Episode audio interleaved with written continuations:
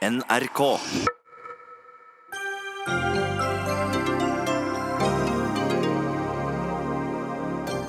Tidenes største sykehusprosjekt koster skjorta, og utgiftene fyker i været før de engang har begynt å bygge. Dette lover ikke godt, sier overlege. Beinhard kritikk mot Havarikommisjonens delrapport etter fregattkollisjonen. Kommisjonen spiller hasard med troverdigheten og uavhengigheten sin, mener tidligere underdirektør i Sjøfartsdirektoratet. NSB har kastet hundretusener av fleecepledd rett i søpla etter én gangs bruk. Enorm sløsing, kritiserer lederen i Framtiden i våre hender, som ble lei seg da hun hørte nyheten. Og Høyre krever at NHO sier tydeligere fra at de er for dagens ordning for fødselspermisjon. Vi er jo fedrepermisjonens varmeste forsvarer, svarer NHO.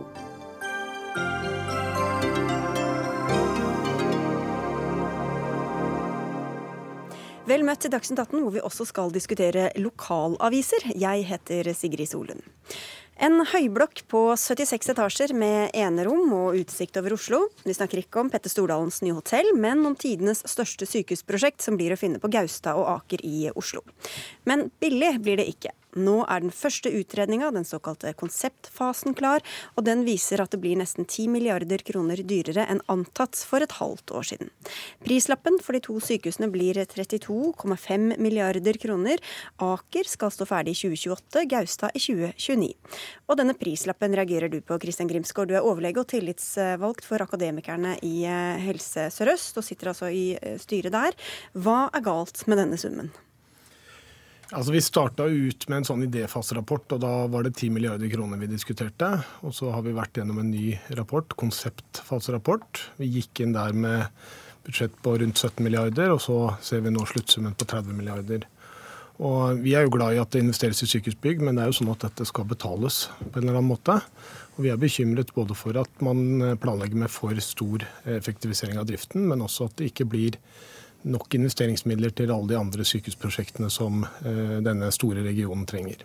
Altså at denne byggingen går utover de andre sykehusene som både skal driftes og, og, investeres i?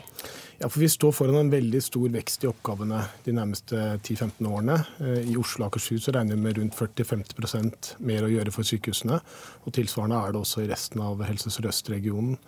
Dette kan vi ikke håndtere med de bygg og utstyr vi har i dag, så det må gjøres eh, tiltak i, i mange sykehus i denne perioden. Men da er det vel bra at de bygger ordentlig og langsiktig da, på, i Oslo her? Problemet er at i den perioden med så kraftig oppgavevekst, så planlegger vi å legge ned landets største akuttsykehus. Eh, sånn at det, det gir ikke noe tilskudd eh, i kapasiteten vår. Hva, hva, tenker du på da? Nei, Man skal jo legge ned, altså splitte opp og legge ned Ullevål sykehus, som er landets største sykehus. og Derfor får vi dårlig plass på disse nye sykehusbyggene vi planlegger å sette opp. da. Bjørn Eriksen, du er administrerende direktør ved Oslo universitetssykehus og er altså ansvarlig for, for, dette prosjektet. Hvordan var det mulig eh, å feilberegne så mye og starte med den summen vi hørte her, og ende opp nå foreløpig får vi si, på, på altså 32,5 milliard? Jeg opplever ikke at vi har feilberegnet. I D-fasen vår så hadde vi faktisk et estimat på å bygge ut disse sykehusene som lå i størrelsesorden 35-40 milliarder, og det er et par år siden. Så ble det lagt til grunn nå før konseptfasen en ramme Eh, på areal, også en estimert kostnad. Så har jo eh, saken endret seg nå det siste året også ved at man har redusert eh, beleggsprosenten fra 90 til 85. Altså at flere senger skal stå tomme? Ja, det, du, kan si, ja, du kan si det på den måten. Og, og, vi skal også ha oppetid færre dager og kortere dager enn det som lå opprinnelig i prosjektet. I tillegg så hadde man, så hadde man i Eh, styresaken om mandat, så hadde man lagt til grunn en brutto-netto-faktor på 2,1, mens man må opp i 2,4 for å bygge sykehus. Er, hvis du skal bygge funksjonelle arealer til pasienten og til de ansatte på 100 kvm, så må du gange med 2,1. Da må du bygge 240 kvm for å få med korridor og tekniske rom og venterom og alle disse tingene. Sånn at eh, alle disse tingene har jo da gjort at prisen i første etappe har gått opp til ca. 25 milliarder kroner Ja, Men hva, hva, vet dere nå som dere ikke visste for et halvt år siden, da prislappen var betydelig lavere? Nei, blant annet, blant annet, så har man jo da redusert uh, beleggsprosent, og man har redusert på en måte oppetid. Og man har tatt inn over seg at uh, brutto-netto-faktoren, som det heter, var for, satt for lavt i prosjektet. Pluss at det er gjort noen justeringer. Ja, fordi det, Poenget er vel også her eh, Grimsgaard, at, eh, at, kritikken har vært at nettopp at man, regnet, altså at man regnet inn for høyt belegg. Altså at det var, var plass til færre uventede pasienter, for å si det på den måten. Og at det var for få sengeplasser. Og så kommer det med flere sengeplasser og, og, og, og senker da belegget. Og da koster jo det penger, da. Nei, altså, Man planlegger med det samme belegget som Oslo universitetssykehus har i dag. Det er to sykehus som har planlagt med høy, eh, høy beleggsfaktor, og det er eh, Østfold og Ahus, og det har gått dårlig.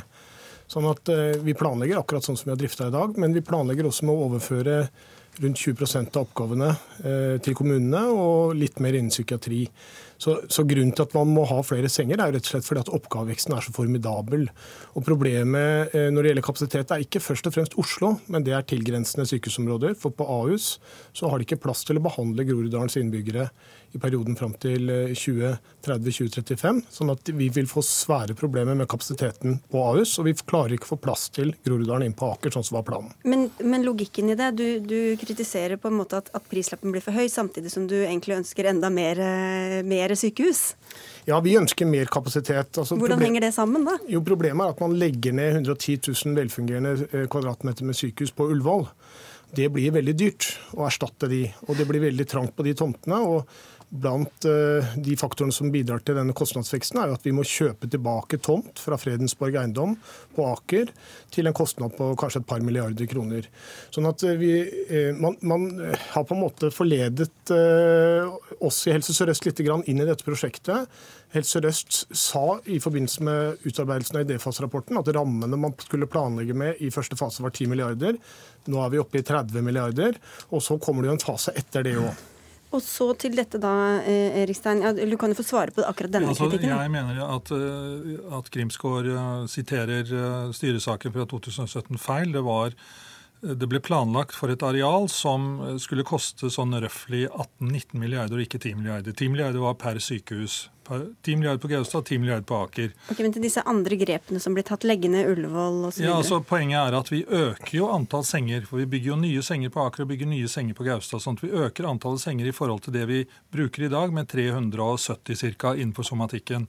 Så jeg mener jo at vi tar hensyn til den veksten og det behovet som vil være til stede i 2035 eh, i dette prosjektet. Og Der er det jo gjort beregninger i forhold til hva som er, eh, hva som er eh, behovet. Der vet jeg at Grimsgård ønsker Eh, eller mener at det høyere, et høyere, vil være et høyere behov i 2035 enn det som er lagt til grunn. Men jeg, vi, har, vi, har, forholdt oss til måten man da regner på i sykehusbygg og i de nasjonale overlegningene. Det er litt vanskelig å liksom følge med på alle disse tallene. Og, og, bare for å si det også, Dette gjelder jo veldig veldig mange mennesker selvfølgelig i regionen, men også mennesker egentlig i hele landet som eventuelt skal komme og bli behandla her. Hvordan kommer pasientene til å merke den planen som, som ligger nå, sånn som du ser det? Vi får problemer i, både i Østfold, i Vestre Viken og i Ahus fordi at vi ikke får god nok kapasitet i Oslo. Eh, planen var egentlig å tilbakeføre Groruddalens eh, eh bydeler i 2025. Og så Nå har vi ikke plass til det. Så Nå er det for, uh, utsatt til 2029 for Alna og 2034 for Stovner og Grorud. Og AU selv melder behov om mellom 200 og 300 senger i denne perioden. Det har vi rett og slett ingen planer for hvordan vi skal håndtere.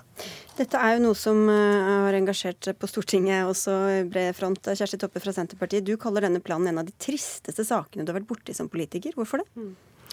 Nei, Jeg syns det er utrolig at uh, dette kan skje, uh, og uten at uh, Stortinget har vilje til å gå inn og sette rammer for hvordan sykehusene i Oslo skal at Hva skal skje? Hva er det du viser til da? Nei, altså Det har hele tida vært en stor plan om et gigantisk sykehus som kom egentlig som en idé, som jeg aldri trodde, trodde kunne få tilslutning. Men nå blir det en realitet. Stortinget, de andre partiene har nekta og gå, gått inn og sagt hva hva en ønsker. Senterpartiet har foreslått at en ikke skal legge ned Ullevål, men utvikle dagens sykehustilbud i, i Oslo. Eh, og det det sånn som vi hører her, kan sette store spørsmålstegn ved finansieringen. Eh, og en tar ikke hensyn til den kapasitetsveksten og behovet som er ikke bare i Oslo, men i tilgrensende områder. Og jeg frykter jo at dette vil gå utover sykehustilbudet i hele Helse Sør-Øst. Alt ned fra, fra Kristiansand, Innlandet, Drammen osv. Så, videre. så det er en ganske stor og alvorlig sak. Få høre det, Sveinung Stensland, stortingsrepresentant fra Høyre. Hvordan forsvarer dere dette hvis, hvis, det blir sånn at det får disse enorme konsekvensene? Først av alt så er det ikke riktig at ingen, ingen på Stortinget har stilt seg bak der. Vi er jo enig i det som skjer nå. Eh, og jeg er enig med Erikstein i at det blir fremstilt eh, litt feil. Eh, det skal bygges opp kapasitet på Gaustad, og det skal bygges opp kapasitet på Aker.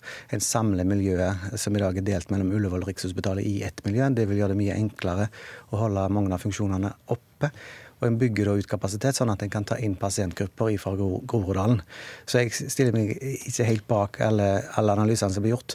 Eh, og så er det litt rart, fordi spesielt Kjersti Toppe har jo eh, kritisert det tidligere fordi en har bygd for lite sykehus, for liten kapasitet. Og den store endringen er at en har økt kapasiteten. Når en går ned på belegg, så betyr det at en beregner flere senger per innbygger. Så hele denne planen her, det er jo noe som har gått, pågått siden 2009, vel. Og når det gjelder Ullevål, så er jo det et faktum at det har vært vurdert som de fleste av byggene lite hensiktsmessige. Mye av arealene er lite hensiktsmessige. Mange bygg er verna. Det er, altså det er på nivå med museer. Nå flytter vi ut av Nasjonalgalleriet for det er ikke godt nok. Mange av byggene på Ullevål er på nivå med ja, For det er alternativet fra, fra noen ja, av kritikerne, at man skal heller bygge ut og ja, renovere på Ullevål? Og det er ingenting som er dyrere enn å renovere gamle bygg, over 100 gamle bygg. Eh, Oslos innbyggere fortjener topp moderne sykehus.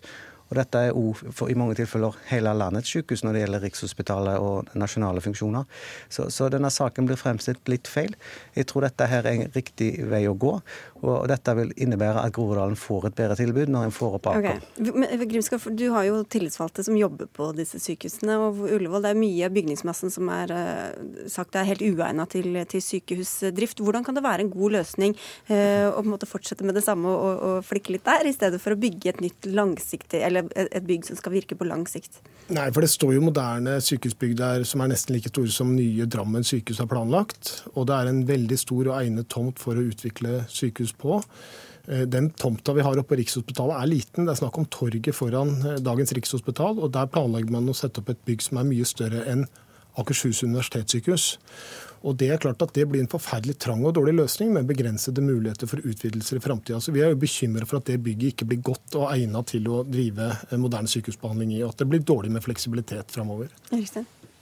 Ja, altså vi... Uh mener at vi planlegger godt for fremtiden og tar hensyn til eh, kapasitets, det kapasitetsbehovet som, eh, som, eksisterer og vil eksistere inn i 2035. Men Hvordan har dere vurdert disse, disse ulike tomtene opp mot hverandre? Ja, nei, Der er det jo gjort, eh, det jo gjort risikos, risikovurderinger og, og, av eksterne firmaer og som konkluderer med at det er lettest å utvikle på Aker, og det er vanskeligst å utvikle på Ullevål. Det er absolutt mulig å utvikle på Ullevål, men det vil ta mye lengre tid. Du må bygge tett på daglig drift, og infrastrukturen er dårlig.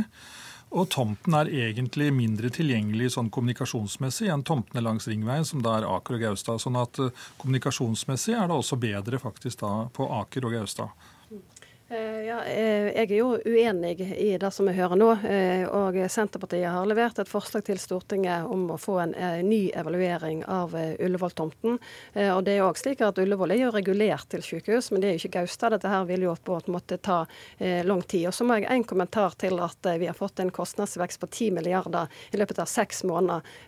Og, og så får vi høre at det har med at nå er det lavere, vi har økt antall senger og sånt. Det har lyttet til kritikken fra dere, kan man ja, også si men det er jo eh, Ja, men altså 50% økning. Eh, altså, det, altså, jeg har jo ingen tillit til at jeg kan forklare eh, eh, så mange milliarder i økning. Da har jeg vært elendig tidligere da, med å, eh, å utrede dette her. Jeg syns hele prosessen har vært ganske besynderlig å være vitne til. Og eh, jeg syns ikke en skal planlegge sykehus på denne måten her, for en har ikke tillit til den, til den prosessen som har vært når vi har sånne enorme kostnadsøkninger. Det er jo på en måte å holde oss for narr. Det er jo ingenting ingenting som vil være verre for prosessen hvis en nå krever en ny utredning av Ullevål-tomter, som har vært utreda uh, mer enn én en gang. Det ligger inne som nullalternativ i den ene utredningen, og det, alle bygningene har blitt vurdert. Og Da vil du da sette i gang prosessen fra, fra, null igjen, og det vil gjøre at alt vil dra ut i tid. Og Når det gjelder kostnadsøkningen, så er det vel bedre å få kostnadene på bordet før en vedtar ting, enn etterpå. Vi har nok eksempler på offentlige prosjekter som er dårlig utreda, og så får vi en kostnadsoverskridelse. Og igjen så er det sånn at nå får vi på plass moderne sykehusbygg som hele Oslo og omegn får gleden av. Mm. Men, men tillegg, jeg, vil, jeg vil spørre Rikstein om dette med økonomien. Ja. bare et øyeblikk, fordi at, uh, som vi hørte her, altså, det, Noen må jo betale for dette. ikke sant? Det kommer til å gå utover økonomien, som allerede er pressa på mange uh, forskjellige sykehus på Østlandet. Hvordan kan det være forsvarlig? Altså, vi må betale for dette selv, og vi har gjort uh, beregninger at vi skal, ved god drift så skal vi kunne klare å betale renter og avdrag på dette over den 30-årsperioden som disse lånene skal betales ned. Men da kommer pasientene til å merke det på pasientene mange kommer til å merke det med enerom med bad istedenfor sekssengsrom uten jo, men på de, på de andre sykehusene Nei, det, det er også gjort beregninger sammen med Helse Sør-Øst som tilsier at det ikke går utover investeringsevnen i regionen slik som det ligger nå. Så kan man selvfølgelig være uenig i det, men med de forutsetningene man har lagt inn, som er de ordinære forutsetningene man legger inn i, i, langtidsplaner, så er det bærekraft for prosjektet, og det er mulig å investere også på de andre stedene. Okay, Nei, det er jo opplagt at pasientene vil merke det, og, og Oslo universitetssykehus skriver jo selv i sin egen utredning at den neste tiårsperioden så kan vi ikke drive med den kvalitetshevingen som vi har gjort tidligere, fordi at vi må få høyere resultater. Så, så, det er helt opplagt at pasientene vil merke det, og det er lagt til grunn en betydelig driftseffektivisering i perioden. Eh, basert på at man skal inn i nye bygg. Og det viser seg fra tidligere prosjekter at den effektiviseringen er minimal mm. fra, fra, fra Østfold. Har, ja, ikke sant, hvor de har ganske, eller, fått mer korridorpasienter osv. Føler du deg trygg på at dette ikke kommer til å gå ut ved pasientene? Sensla? Ingenting er verre for pasientene enn uh, dårlig hensiktsmessige bygg, og ingenting er dyrere å drive enn dårlig hensiktsmessige sykehusbygg. Uh, allerede i dag så merker pasientene og de ansatte på Ullevål at det er dårlig arbeidsmiljø og dårlige forhold. Og Når det gjelder Østfold, så er hovedutfordringen der at det blir planlagt altfor lite. Derfor har vi nå problemer med korridorpasienter. Den planleggingen, planleggingen var for dårlig for noen år siden. Nå må vi planlegge bedre nå. Og det er altså selv om det er store summer, så er altså bare ett års budsjett for Helse Sør-Øst 80 milliarder. Og her snakker vi om investering for 30 års tid. Mm. Så dette er en liten andel av det store driftsbudsjettet som Helse Sør-Øst har. Eh, nå er Legeforeningen, Sykepleierforbundet, Fagforbundet, Psykologforeningen de er imot og kritisk til denne utbyggingen. Der tenker jeg si mer om eh, hva en kan forvente av pasienttilbudet, eh, enn hva direktører og andre sier her i denne saka. Jeg tror vi får si at det kommer flere runder også her i Dagsnytt 18. Takk skal dere ha for denne. Bjørn Erikstein altså fra Oslo universitetssykehus, hvor du er administrerende direktør.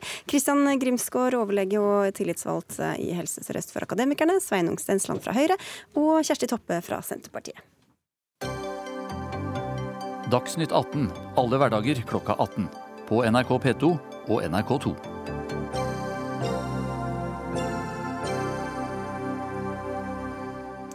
Ta toget, hører vi. Det er mye bedre for klimaet enn å fly. Og komfortabelt kan det også være når du setter deg på nattoget og får tilbud om ørepropper, ansiktsmaske, pute og et fleecepledd. Men hva skjer med pleddet når toget stanser og du er framme? Med mindre du tar det med deg hjem, er det stor sannsynlighet for at det går rett i søpla etter engangsbruk. Slik det har skjedd med 400 000 andre pledd som NSB har kastet siden 2014. Anja Bakken Riise, du er leder i Framtiden i våre hender når dere oppfordrer folk til å ta toget, var det kanskje ikke dette dere tenkte på? Nei, men vi vil fortsatt oppfordre folk om å ta toget. Det er et godt miljøvalg. Men det er åpenbart at når 400 000 pledd havner i søpla eh, etter nesten ikke å ha blitt brukt, så er det en en, ja, det er rett og slett en unødvendig og en dum eh, sløsing av ressurser. Så her håper vi at NSB vil ta tak i det her og sørge for å eh, med de teppene eller de pleddene som man allerede har produsert, så burde man sørge for å samle dem inn og gi dem videre til veldedige organisasjoner og mennesker som kan bruke dem. Men så vil vi også at de skal tenke litt nytt og på lengre sikt eh, kanskje sørge for å få på plass andre eh, pledd som er produsert av andre, mer bærekraftige, varige materialer. Få på plass et system der man kan samle dem inn, vaske dem og bruke dem igjen og igjen og igjen. Sånn som vi vet at f.eks. en del flyselskaper gjør. Jeg tenkte vi skulle komme dit litt etter hvert, men først for å få litt bakgrunn her. Gina Scholz, du er kommunikasjonssjef i eh, NSB. Hvorfor kaster dere altså hundretusener av pledd som bare er brukt én gang?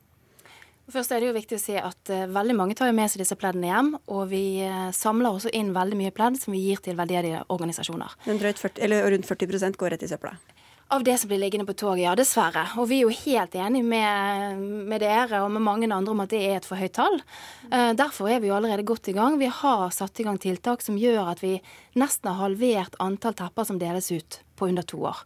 Og det er vi kjempefornøyd med. Da har vi en annen måte å dele ut disse teppene i toget på, som vi ser har kjempegod effekt. Men hvorfor kan ikke teppene brukes flere ganger?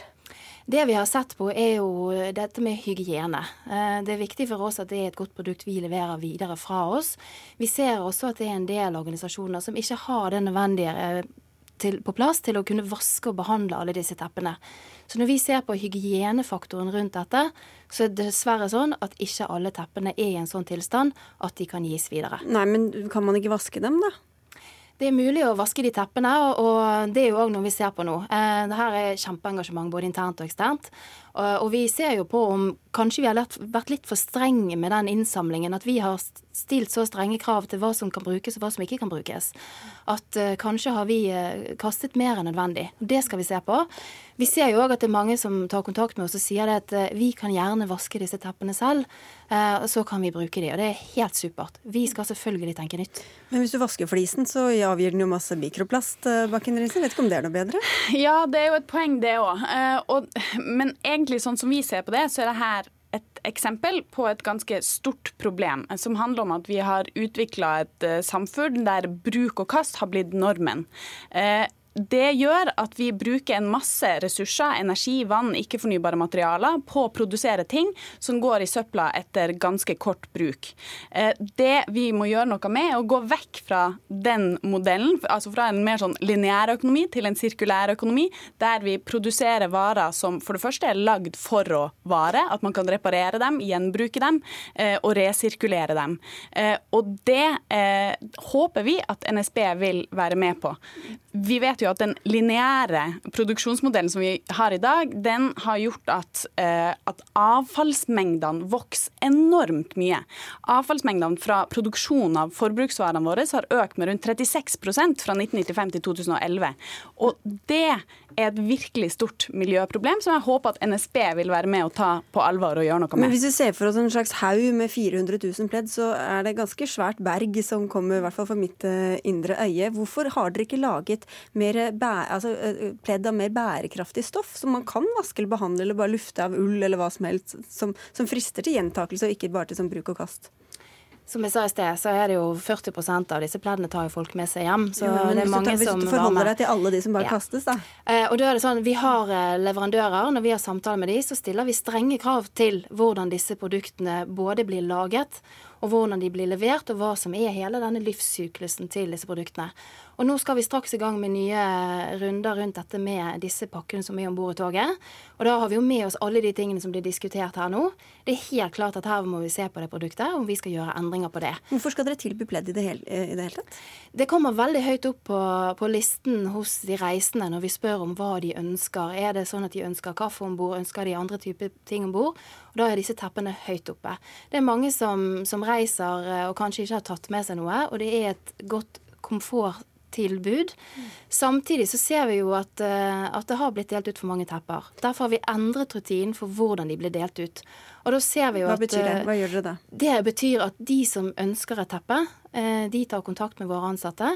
Og så blir de også oppfordret til å bruke teppet på nytt og ta det med seg.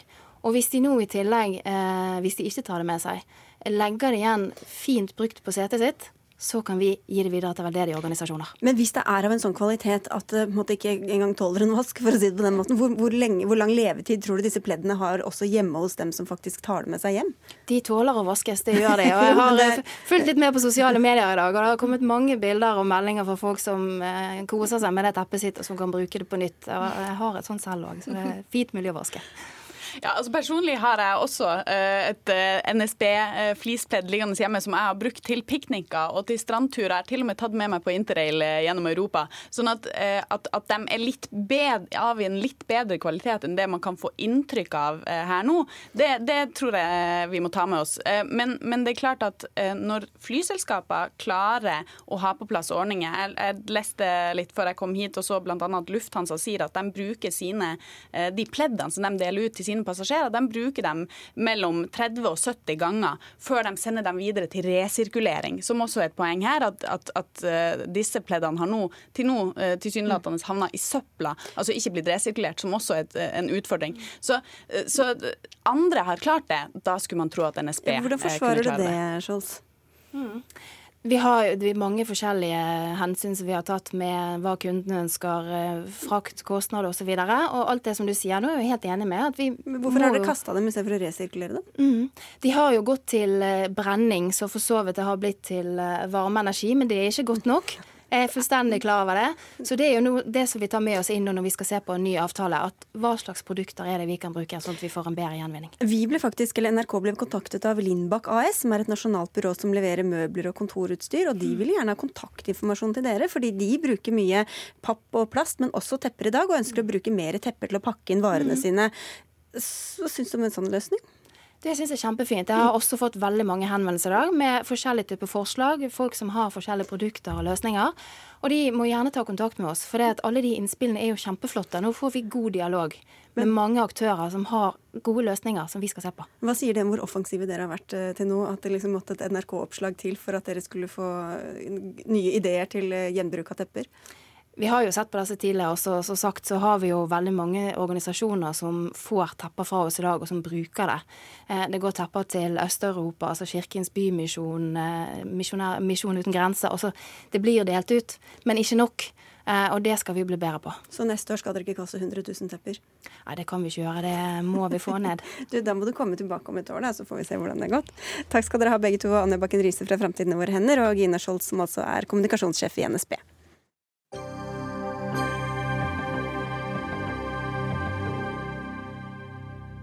Og nå her i Dagsnytt 18 skal vi til fregattkollisjonen i eh, Hjeltefjorden i Hordaland den 8. november. For i en kronikk på NRK Ytring får Havarikommisjonen gjennomgå for den første rapporten den kom med om eh, ulykken. Rapporten er eh, tynn suppe og bidrar til å tåkelegge årsaker og ansvar for kollisjonen mellom fregatten Helge Ingstad og tankskipet Sola TS, skriver du i denne nevnte kronikken, Eivind Sanden Vågslid.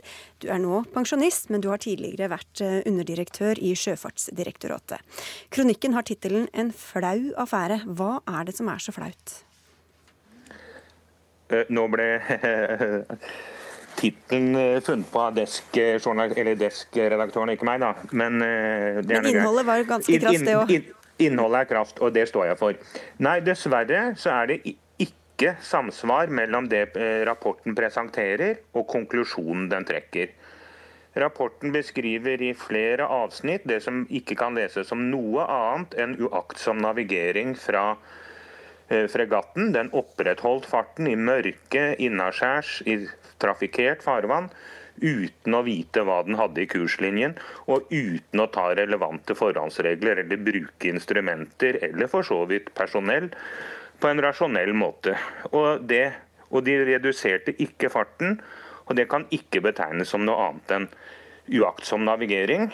Og jeg syns det er ufint av Havarikommisjonen å la det henge i lufta at tankskipet kanskje er like eh, medvirkende til kollisjonen, for det er det ikke. Du sier at Havarikommisjonen spiller hasard med sin troverdighet og uavhengighet. Det er ganske kraftig kritikk. Hvordan belegger du den? Det som serveres er ikke faglig begrunnet. Eh, eh, flere av de tingene de hevder som fakta i rapporten, er ikke faglig begrunnet. Eh, jeg kan ikke se det på annen måte enn at de har latt seg presse av Sjøforsvaret. og derfor, derfor selvfølgelig dette med uavhengighet. Og det er ikke faglig belegg for ikke for konklusjonen som de trekker på et helt feil grunnlag. De sier det ikke er, er, er, noen, er funnet noen årsak til kollisjonen. Det er det. Og, og, Det er selvfølgelig skuffende fra Havarikommisjonen. Vi har jo selvfølgelig invitert uh, Havarikommisjonen til å delta i sendinga, men de uh, vil ikke komme og debattere. Den står på egne ben, sier Havarikommisjonen, og viser til at selve hovedrapporten kommer uh, seinere. Michael Tetzschner, du er stortingsrepresentant, du sitter i utenriks- og forsvarskomiteen for Høyre, og har uttalt deg positivt om, om, at rapporten kom, og at den kom så tidlig, også her i Dagsnytt 18. Men hvor godt synes du konklusjonen i den står seg, gitt denne kritikken vi hører her? Ja, det vises jo til at det skal være en konklusjon, men det er ikke en konklusjon. Det er en foreløpig rapport som også legger stor vekt på det arbeidet som ble gjort for raskt å komme til stedet, snakke med de involverte eh, besetningene og gjøre tekniske bevissikringstiltak. Og, det, og, og, I samsvar med deres oppdrag i loven så skal de også utstede varsel om sikkerhetskritiske forhold. fordi det er jo klart at eh, så stort havari det må jo også uh, avstedkomme en, en del uh, forebygging uh, og, og, varsler om sikkerhetskritiske forhold, hvis det var tilfellet for de fire andre. Så det er ikke grunnlag for den slutningen som trekkes her? Jeg, jeg, jeg, hadde jo, nå, nå, må jeg si at jeg er stor tilhenger av ytringsfriheten. og Det kan godt være at Vågslid har mange interessante synspunkter. Men det er jo et tema så, og flere temaer som, som, vil dukke opp i den endelige rapporten. For det er ikke nå at de frikjenner eller feller de, verken på individnivå eller systemnivå. Så det, derfor så skal kan, man Kan vi ikke la ham få svare på det ja, først, så skal du få ordet. Ja, ja, Vågslid, du, du er litt kjapp ute her, virker det som, ut fra hva Tetzschner sier. Det er ikke grunnlag for å, for å si at det er kommet noen konklusjon heller. Eh, det er, bare, eh, det er, ufint å skylde på utlendingen, det utenlandske tankskipet som har seilt sin vei, som ikke har så stor mulighet til å ta til orde i media. Jeg syns det rett og slett er ufint. Det er ikke noe grunnlag, og dette er vel beskrevet i rapporten, det er ikke noe grunnlag for å kritisere tankskipet. Det forholdt seg til det som er vanlig praksis på Stureterminalen. Uh, og Jeg syns ikke tankskipet kan uh, kritiseres. Men det er ganske bemerkelsesverdig at Havarikommisjonen da mener at det er mye farligere å seile med dekkslys tenkt et stykke ut fra land, enn det er å seile i mørke i 17 knop i trangt og trafikkert farvann uten å vite hva man har forut, og uten å ta relevante forhåndsregler. Det er rett og slett oppsiktsvekkende. Ja, men det, jeg, Nå har ikke jeg lyst til å gå inn i en uh, direkte diskusjon uh, med en som bruker, bruker, sin ytringsfrihet, og sikkert også kan ha mange påpekninger. Men det er jo forhold som jeg som stortingsrepresentant regner med vil bli belyst, og som ikke hadde forventninger om skulle bli uh, eh, konkludert om nå. Og Man må jo også vurdere en foreløpig rapport for hva det er. og Det betyr ikke at den eh, ikke er faglig, men det betyr bare at den i denne fasen så har den kartlagt tidspunkter, aktører, bevegelser osv. Og, så og så kommer jo da eh, ut fra tilgjengelige logger og bevismidler, når det etter hvert trenges inn i, som de også sier er ganske komplekst, så så kommer det en endelig rapport. og Det er derfor denne er på fem sider, og en rapport senere kanskje vil være på 100. Men er du enig i at det blir hengende en mistanke ved dette andre skipet som det ikke er grunnlag for? Nei, jeg syns det var en helt nøktern beskrivelse. som ikke var, Det var en, rett og slett en beskrivelse hvor det ikke var øh, slik jeg leser den. Jeg leste den ganske grundig, og det var jo ikke mer enn noen få sider. Eh, den felte ikke noen endelig dom over aktørene, og den viser nettopp til at det er nå den skal gå inn og, og forstå aktørbildet helt til bunns.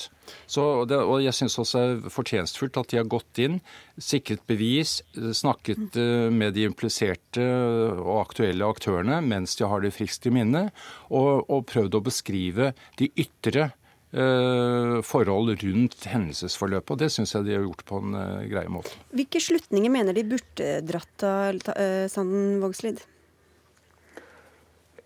For det første, jeg bare si et par, et par ting for det. Det er flere merkverdige utelatelser i rapporten. De sier at fregatten svingte unna, men ikke hvilken vei den svingte. Det er en bemerkelsesverdig utelatelse. Ja, fordi du, Der står det litt i loven og, og så videre, som du skriver om i kronikken? Et veld, veldig relevant eh, spørsmål om de, hvilken vei de foretok den desperate siste sekund unnamanøver. manøver. jeg, mener, jeg mener jo at det absolutt er grunnlag for å eh, for å legge skylda på eller altså Skyld er ikke noe godt ord her. Det operative ansvaret for det som skjedde på fregattens brobesetning. Det er selvfølgelig mange ting som har gått galt på den broa. Det er ikke én ting som har skjedd. Det er misforståelser i kommunikasjon har ikke nådd fram dit det skulle. Kanskje de plutselig hadde behov for radar. Den var ikke innstilt på innaskjærsnavigering. Den var sist brukt i Feieosen. Andre ting fant ikke med en gang. Det var misforståelser sånn, sånn, sånn.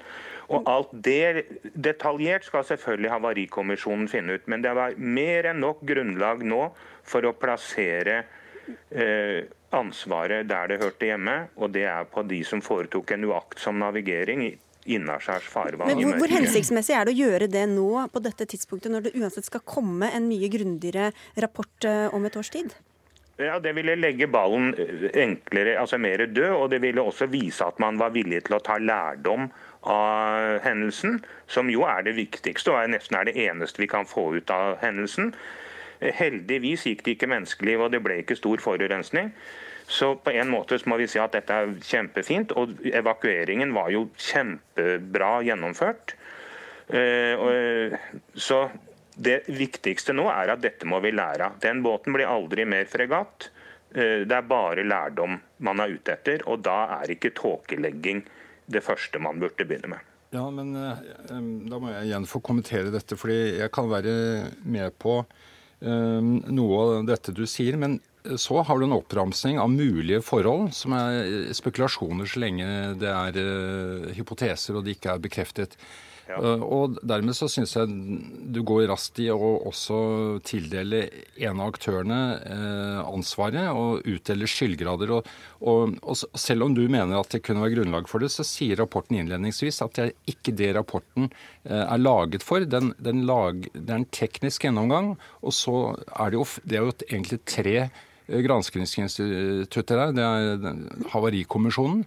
Og så For transport så er det den for uh, Forsvaret. De, de, samordnes. Og så er det interngransking i Sjøforsvaret også. Så her uh, forventer jeg at uh, også Stortinget, som til slutt får en sluttrapport via Forsvaret og departementet, får alle relevante fakta på bordet. Jeg vil bare at du skal kvittere eller svare veldig kort på dette med at antydning om at her må det ha vært politisk press bak den, ja, Det er også en spekulasjon. Jeg, jeg kan ikke forstå at det er noen grunn til å si det, fordi dette er en Eh, teknisk havarikommisjon som gjør jobben sin, og som vet nøyaktig hva det skal gjøre. Jeg tror også mange var imponert over den eh, ekspeditte og rutinemessige og profesjonelle tilgangen de hadde til denne ulykkelige hendelsen. Kjetil Stormark, du er ansvarlig redaktør for nettavisen Aldri mer.no. Hvor vanlig er det at Havarikommisjonen kommer med en sånn midlertidig eller foreløpig eh, rapport? Ja, nå skal jeg ikke kvantifisere det, det har jeg ikke grunnlag for, men eh, det er ikke veldig vanlig. Eh, men i tidligere tider, så i, skal si, når før lovverket ble forandret på dette området, så var det jo normalt med sjøforklaring.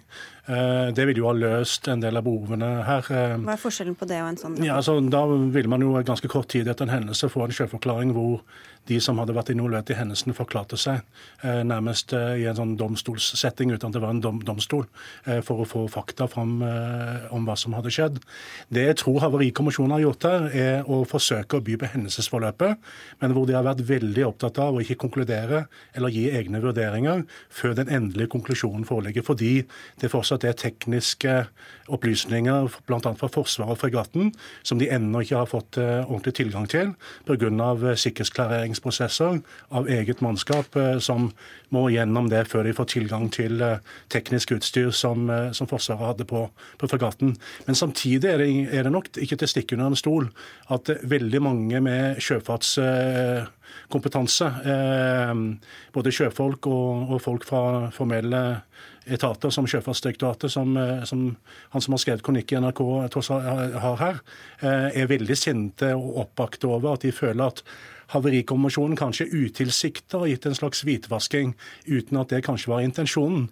Fordi at det er noe litt problematisk med å kun by på hendelsesforløpet, uten å da kunne gi f.eks. en saksopplysning om eh, at dette dekkslyset på tankskipet at det ikke er en avvikende situasjon. Det er ganske vanlig at det, dekkslyset på sånne tankskip er på når de da går ut fra eh, Stureterminalen og skal rigge og gjøre klar til overfart når de skal ut på havet. Men også da ble det antydet her at det kanskje var litt eh, mer beleilig å legge skylda på dette andre skipet. Eh, er du enig i at det kanskje kan ligge bak, eller hvordan vurderer du det? Nei, jeg tror ikke Havarikommisjonen er for profesjonelle til å ha den type motiver. Eh, men eh, det kan nok være en utilsiktet konsekvens av forsøket på å gjøre det rette og kun by på hendelsesforløpet uten å samtidig ville vurdere og konkludere.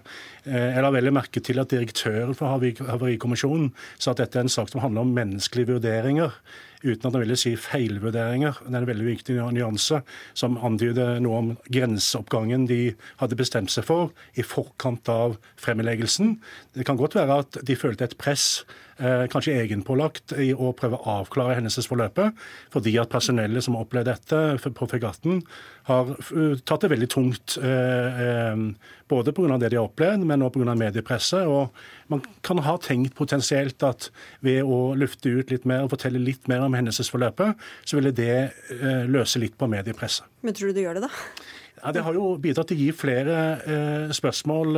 og Havarikommisjonen har, ved å være litt klønete, selv om intensjonene nok har vært de beste, eh, bidratt til å faktisk gi seg sjøl noen troverdighetsutfordringer som de i neste runde må legge seg litt i selen for å rydde opp i.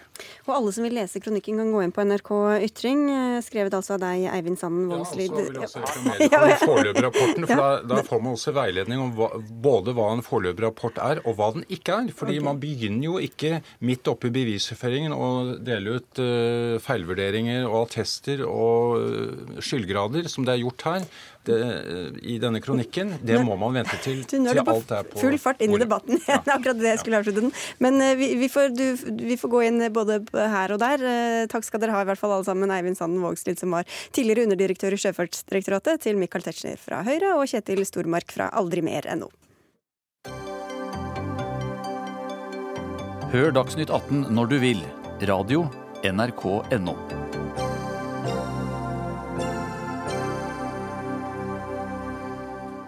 De 15 ukene av fødselspermisjonen som er forbeholdt far, skaper såpass mye hodebry for enkelte bedrifter at de ønsker å kjøpe far fri fra permisjonen og heller betale penger for å kunne ha mor hjemme lenger. Det var Dagsavisen som skrev om dette i går, hvor en bedriftsrådgiver fortalte om bedrifter som undersøker mulighetene for å gi en ansatt penger, altså for ikke å ta ut kvoten sin, men heller kompensere partnerne, som gjerne er moren, for å ta ulønnet permisjon fra sin jobb. Kristin Ørmen Johnsen, du er leder i familie- og kulturkomiteen på Stortinget for Høyre, og du sier du ble litt eh, opprørt av å lese denne saken. og Du retter skytset mot NHO i denne saken. Hva er det de har gjort galt? Ja, jeg ble opprørt av å lese saken, også fordi at eh, det setter kvinnen som er hjemme i et, et, veldig dårlig perspektiv med i forhold til eh, både feriepenger, sykepenger osv. Men uh, hvorfor jeg ønsker å utfordre NHO, det er jo at eh, NHO har vært veldig høyt på banen når det gjelder en lik deling av denne foreldrepermisjonen. Og de har uh, vært så høyt på banen at de har jo sagt eksempelvis at de som ønsker valgfrihet, de er valgfrihetsfundamentalismer, og at politikerne har vært bremseklosser som ikke har gjort denne delingen som nå er, hvor det er 15 uker til mor og 15 uker til far. Ehm, så de har vært veldig høyt ute.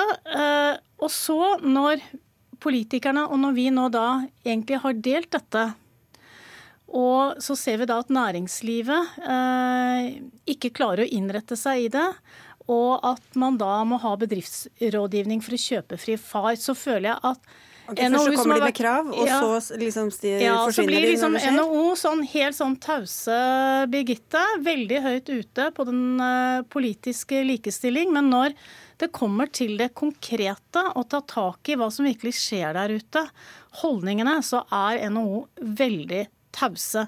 Det syns jeg er skuffende med tanke på hvor høyt de har gått på banen. Så jeg ønsker egentlig å vite litt hva er det da NHO vil gjøre, for de har jo ikke møtt dette. Ja, da må vi få svare, Nina Melsom, du er direktør for arbeidsliv i eh, NHO. Du, du, får bare ta ballen som ble spilt over til deg først som sist. Ja, vi, eh, jeg har lyst til å starte med å si at det er helt riktig, vi var tidlig ute. Vi, allerede i 2008 så støttet vi opp under et forslag om tredeling av eh, foreldrepermisjon. Og det er fordi vi ønsker et likestilt arbeidsliv. Og dette var det vi mente måtte til.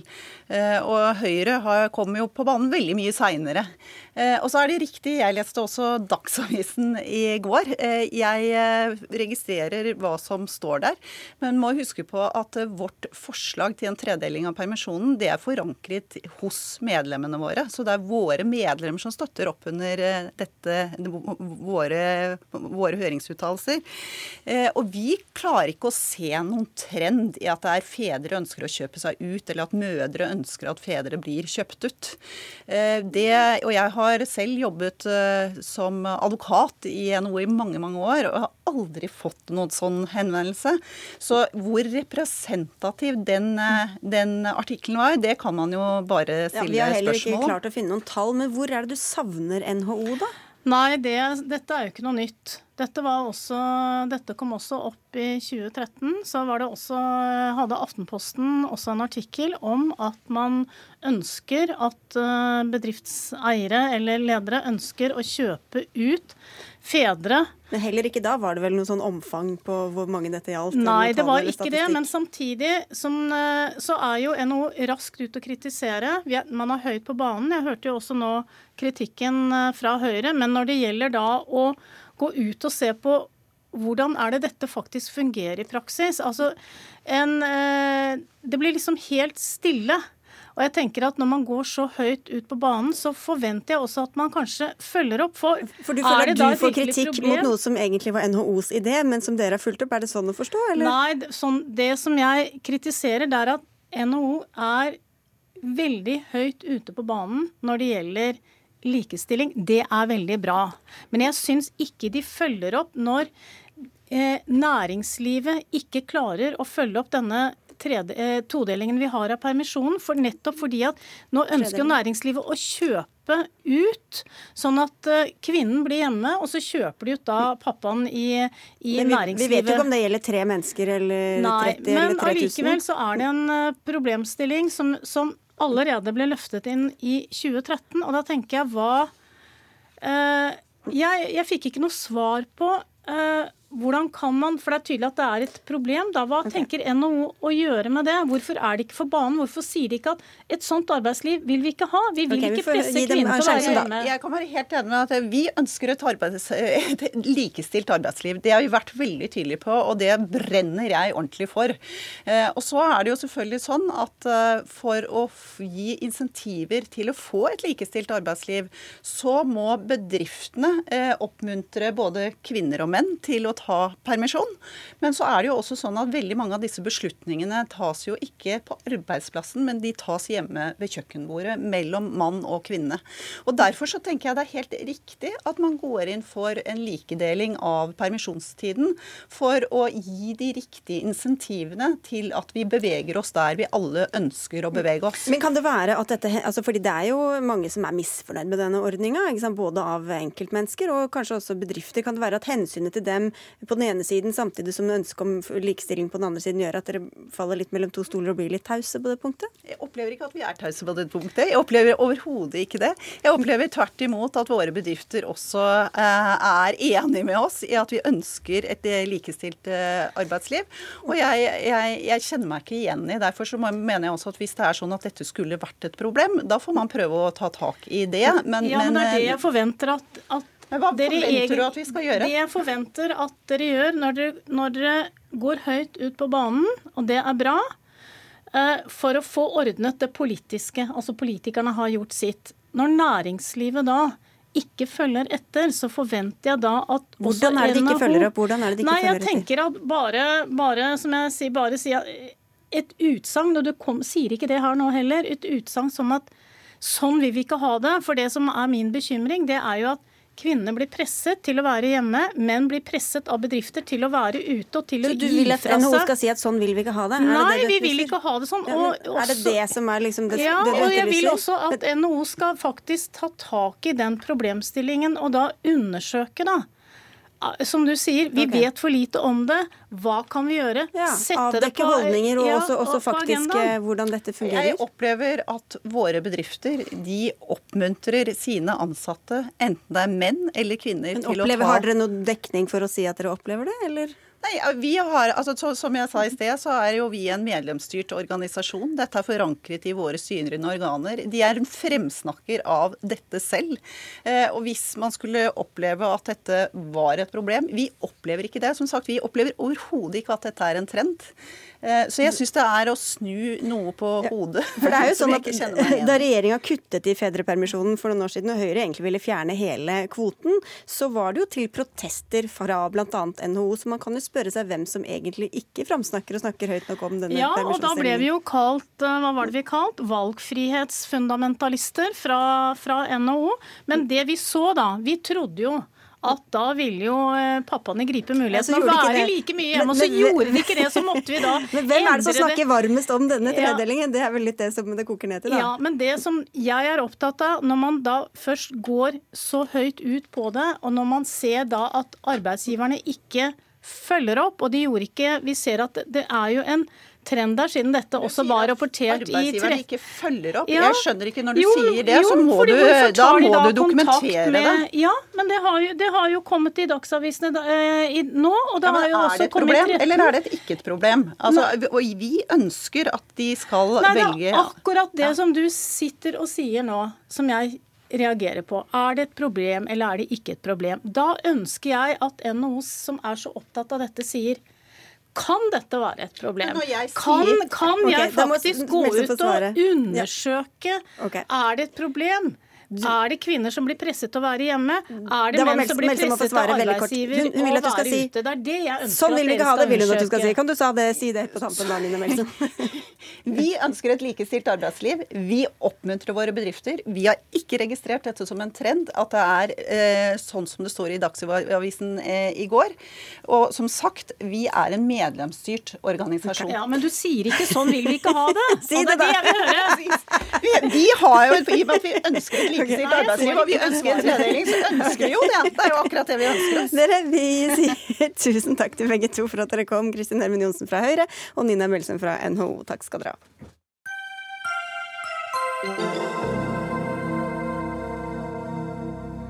Katt tatt av ørn overlevde fall fra luften. 27 kinesere skal trene langrenn på Hovden. Elghundtispe funnet etter ni dager, og ny eier og nytt navn på bensinstasjonen. Det er bare noen av overskriftene fra forsidene til flere norske lokalaviser i dag. Det er bare 5% av lokalavisenes stoff som er undersøkende journalist, kun 17 konfliktorientert, ifølge en fersk studie fra Nord universitetet. Anki Gerhardsen, du er teaterkritiker og frilansjournalist og spaltist i Aftenposten, hvor du spør hva skal vi med lokalavisene? Hva fikk deg til å spørre om det? Ja, du har jo pekt på de litt triste tallene sånn helt innledningsvis her. Um, og jeg mener at det er noe helt essensielt som skiller journalistikk fra alle andre former for formidling og fortelling og lesestoff som sådan. Vi har et helt spesielt mandat som alle er enige om at vi skal ha. Det er økonomiske støtteordninger. Vi har et pressekort som skal gi oss adgang til steder og rom og dokumenter som andre i samfunnet ikke så lett får adgang til. Og med den tilliten og med den rollen så følger det et helt spesielt ansvar. Og det ansvaret handler om vesentlighet, rett og slett. Og nå har vi fått de, servert de tallene som du viste til, som viser at det er lite av det mest vesentlige. Bare 17 av alle sakene som lages, belyser konflikt. Og Det syns jeg kanskje er noe av det mest urovekkende. Fordi at eh, demokrati handler om konflikt, også lokaldemokratiet. Og hvis ikke lokalpressen løfter fram konflikten i den vesle kommunen, hvem skal gjøre det da? Og Det er der jeg mener at lokalpressen svikter det mest vesentlige av det en skal holde på med nå. Da skal vi mm, sette over til sjefen for det hele, Thomas Bruvik. Du er styreleder i landslaget for lokale aviser og er redaktør i lokalavisa Kvinneheringen. Eh, fullt av uvesentligheter, skyr unna konflikt og flere kilder, hører vi her. Eh, Vil du si at det er dekkende? På ingen som helst måte. Jeg er igjen totalt uenig med Anke Gerhardsen. Eh, jeg syns at lokalavisene blir flinkere og flinkere til å ta vare på samfunnsoppdraget sitt.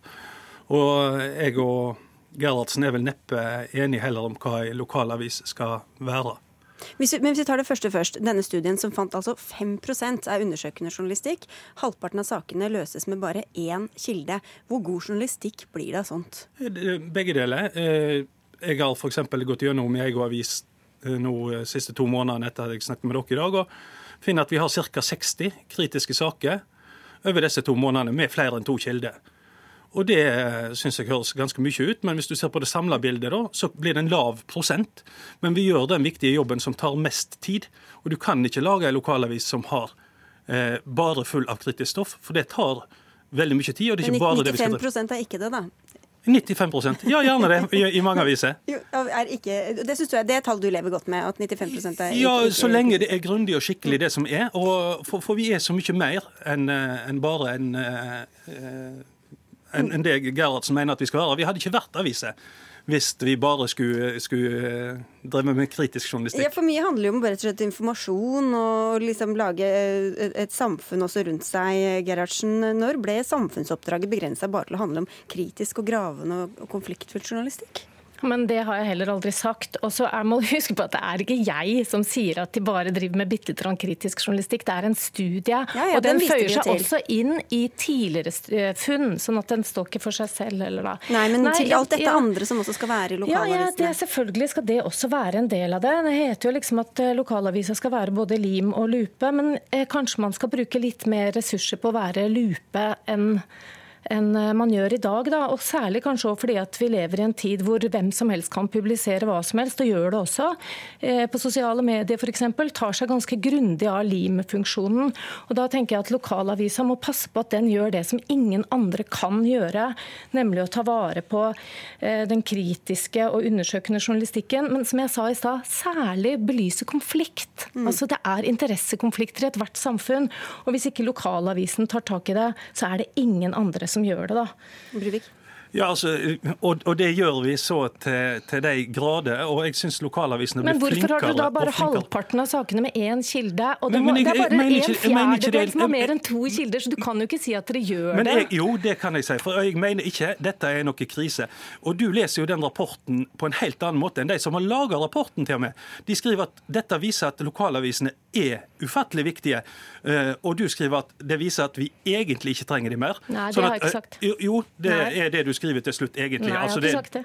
Men, det okay, okay, okay. Men, men, men, bare til dette, Bruvik.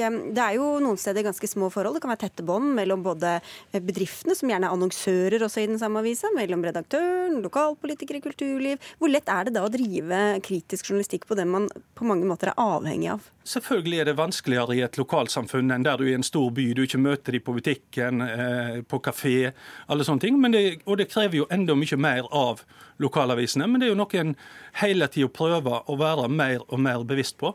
Og eh, jeg blir jo provosert av Gerhardsen. Jeg vet ikke om har, altså Kilden din er jo rapporten. Men har du snakka med de forskerne? Ja, det er mine tidligere kollegaer fra jeg jobba på journalistutdanninga, så selvfølgelig har jeg det. Men, men, hva er det som gjør at de tolker sin egen rapport på en helt annen måte enn det du gjør? Altså, du, du savner bare kritikken, du. Altså, hvis vi skulle sitte bare og skrevet kritiske saker, det hadde ikke blitt mye igjen av det andre innholdet i avisen da, som er viktig for lokalsamfunnet? Garasjen. Nei, altså Man kan selvfølgelig velge å fokusere på det positive. det er vel kanskje det lokalavisa også gjør. da, Fokusere på det positive og lar konfliktene ligge. Men det jeg ser... Det er så feil! Vi tar ja, men, ja, så mange ting som, som er konflikt. Mm. Det jeg ser her sånn, er at det er for lite av det mest vesentlige. Og det betyr ikke at jeg mener at man ikke ikke skal gjøre noe av det andre. det er bare et underskudd, da. Mm. Men dette er jo et ressursspørsmål også. Altså selv de største avisene, de tyngste motorene, sliter med trang økonomi. De får heller ikke gravd nok eh, journalistisk. Hvor realistisk er det da at en lokalavis skal kunne sette av masse ressurser hele tiden til saker som kanskje ikke engang blir noe av?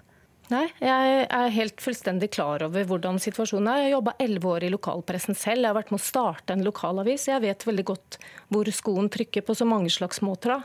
Det er, eh, er, det, er det realistisk, da, det, det du etterlyser? Eh, tenker at Man må definere rollen sin. Hva er det egentlig vi er her for? Hva er det som gjør at vi har fått denne tilliten fra samfunnet? Hvordan skal vi forvalte ressursene våre best mulig? Og Da syns jeg at det må være mer. Det må være mer av dette her som er krevende, vanskelig og viktig da, mm. enn det det er i dag.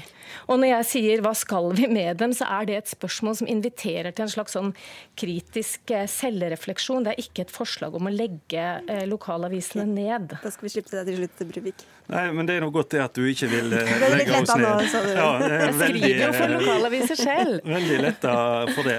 Men, men, det er klart vi òg er opptatt av det. Det er jo et ønske. Men, men jeg, jeg, jeg og det krever masse. Det kan gjerne Vi har saker der vi setter av én og to av våre få journalister til å jobbe med sak i, i to dager, ei uke, tre uker.